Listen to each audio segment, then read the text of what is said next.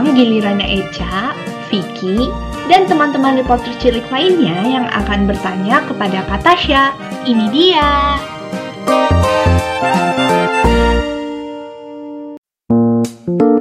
Kita lanjut ke Eca berarti. Halo Kak Tasya, saya Eca. Saya berasal di, dari Surabaya. Umur saya 10 tahun. Saya mau tanya, mengapa kita harus menjaga populasi terumbu karang? Uh, terima kasih Eca pertanyaannya. Sebenarnya tidak ada yang mengharuskan kita menjaga terumbu karang sih. Jadi kita punya pilihan. Kemarin kakak cerita bahwa ada hal-hal yang kita suka, kayak misalkan makan enak, liburan ke pantai, Terus ada hal-hal yang nggak kita suka kayak seperti sakit, kemudian pantainya hancur. Nah kita punya pilihan, kita mau hal-hal yang nggak enaknya tambah banyak atau hal-hal yang enaknya yang tambah banyak gitu. Nah, kalau kita mau hal-hal yang enak seperti makan cumi goreng tepung, bisa liburan pantai sering-sering, terus makin banyak om tante yang punya pekerjaan dan bisa membantu anak-anaknya sekolah dan juga beli mainan. Berarti kalau kita ingin hal-hal itu, kita perlu menjaga terumbu karang karena terumbu karang yang memberi hal-hal itu tadi. Dengan terumbu karangnya sehat, banyak makanan, banyak obat-obatan, banyak pantai yang bisa buat kita main gitu. Tapi kalau kita nggak nggak memerlukan semua itu kita kita nggak masalah dengan sakit dengan pantai hancur nggak usah jaga nggak apa-apa. Nah kan kembali pilihannya ada di Eca dan teman-teman kalau Eca nanti dewasa seumur Kak Tasya seumur Kak Lia seumur Mama seumur Papa uh, Eca mau lebih banyak yang mana mau lebih banyak yang enak-enak atau mau lebih banyak yang nggak enak yang sedih-sedihnya gitu oh iya Oke, ada pertanyaan lanjutan Cak? Ada. Oke, silahkan. Apa tuh pertanyaan lanjutannya? Apakah terumbu karang bisa mati jika air pantai menjadi jadi apa ya? Kering. Habis gitu airnya? Ya, tercemar atau tercemar oh. gitu. Tercemar. Iya, terumbu karang itu hewan yang cukup sensitif gitu sama kalau misalkan Eca pelihara ikan di akuarium atau pernah lihat ikan di akuarium, itu kan dia airnya sering diganti supaya ikan atau hewan yang di akuarium tetap sehat kan. Nah kalau yang di laut, begitu airnya udah kotor, nggak bisa diganti karena airnya juga tetap di situ. Jadi begitu airnya kotor, kena kotoran terus menerus bayangin aja ada akuarium yang kotor terus ada ikannya nggak bisa pindah-pindah kan lama-lama dia nggak bisa bernafas akhirnya mati gitu. Karangnya juga gitu nggak bisa bernafas nggak bisa berfotosintesis zoosantelanya akhirnya mati semua. Ya iya kak. Ya sudah kak. Itu pertanyaanku. Iya. terima kasih sama-sama kita lanjut lagi ke Vicky. Silahkan Vicky untuk pertanyaannya. Menurut kakak, mengapa orang-orang tidak terlalu mempedulikan keberadaan terumbu karang? Mengapa ini? Kalau mengapa ini jawabannya panjang nih. Jadi gini, uh, menurut Kak Tasya, kenapa kok orang-orang tidak terlalu peduli terumbu karang? Pertama, karena banyak orang yang tinggalnya jauh dari laut. Jadi kayak itu nggak kelihatan sehari-hari di mereka. Misalkan kita aja kan tinggal di rumah, kalau kita buka pagi-pagi bangun tidur, buka rumah kan kita nggak lihat laut, nggak lihat karang. Kecuali teman-teman atau adik-adik yang tinggalnya di tepi pantai. Nah, jumlah penduduk Indonesia itu lebih banyak yang tinggal di tengah kota gitu apalagi di kota besar seperti Surabaya Jakarta itu kadang-kadang lupa sama laut. Ingatnya kalau mau liburan aja. Nah karena nggak dilihat tiap hari terus lupa terus merasa nggak ada hubungan sama laut nggak ada terumbu karang terumbu karang padahal banyak hal-hal yang sehari-hari itu seperti makanan, obat-obatan itu berasal dari laut. Jadi faktor pertama karena jauh jaraknya, nggak nggak nggak lihat tiap hari. Terus juga kebanyakan orang Indonesia itu ternyata menurut Kak Tasya nggak suka berenang, nggak suka nggak bisa menyelam. Jadi mereka tidak merasakan nikmatnya atau enaknya kalau kondisi lautnya sedang bagus gitu. Nah kalau banyak orang Indonesia yang suka berenang, suka menyelam, kemudian mencintai pemandangan yang indah kalau lautnya sedang bagus, sedang bersih dan orangnya sehat. Jadi itu benar-benar diresapi dalam hatinya, maka akan semakin banyak yang tergerak untuk peduli dengan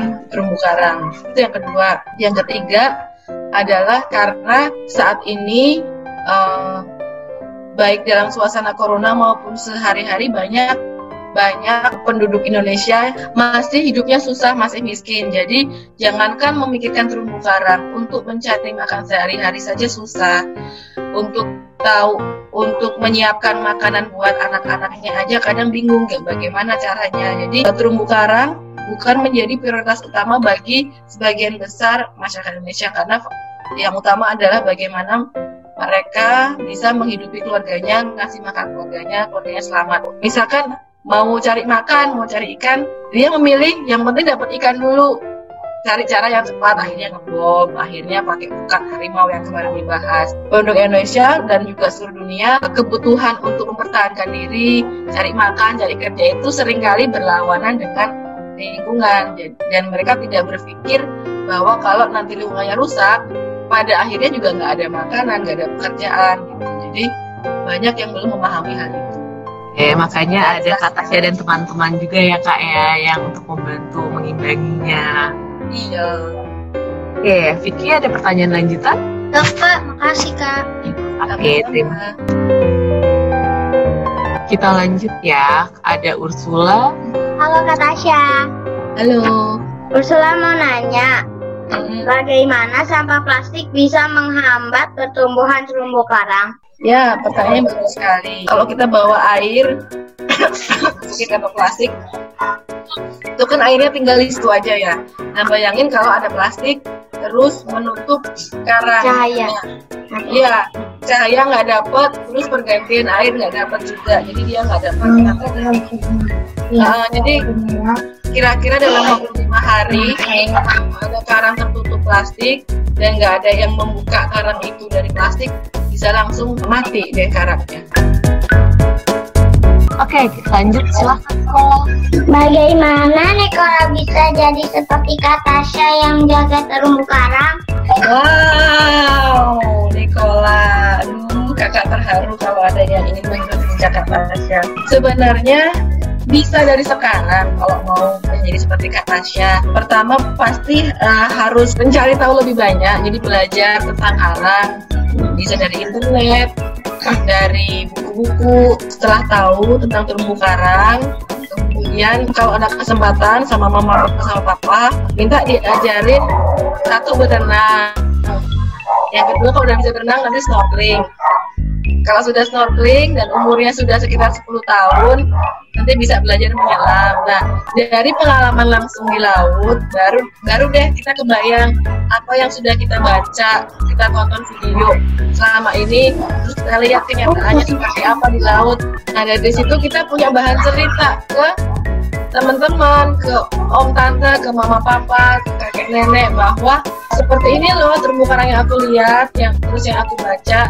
Terus kita bisa ajak mereka untuk lebih peduli tentang terumbu karang. Dan kalaupun belum bisa berenang atau snorkeling karena masih uh, prosedur new normal, masih corona, bisa seperti yang Kak Tasya kemarin bilang, bisa bikin karya apa aja itu sudah membantu Kak Tasya teman-teman untuk menyampaikan pesan kita peduli tentang terumbu karang. Gitu deh. Terima kasih Kak. Ah, kakakku juga pernah snorkeling. Tapi kalau belum. Ya nggak apa-apa snorkeling. Nanti kalau misalkan ada waktu snorkeling lagi, dilihat jadi antara yang dibaca di buku di internet dan yang beneran terjadi di lapangan itu bisa dibuat bahan belajar gitu. Jadi kalau ingin belajar bilang mama papa bisa nanya Kak Tasya lewat Instagram Kak Tasya yang kemarin yang Tasya Karisa Nikola juga pernah renang di Pulau Panaitas kotor banyak sampahnya. Iya sedih ya kalau banyak sampahnya. Kasihan sekarang. Ya itu sekarang Tahira silakan Tahira. Tahira mana ya?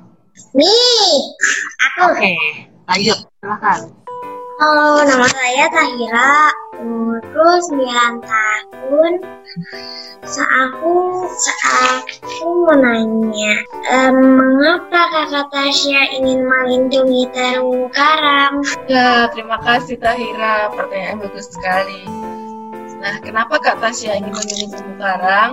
Yang pertama karena Tadi Kak Tasya sudah melihat langsung sudah punya pengalaman yang cukup menyentuh dengan terumbu karang. Eh, Kak Tasya melakukan transplantasi langsung, kemudian melihat bahwa masih banyak orang yang belum sadar, masih banyak yang rusak.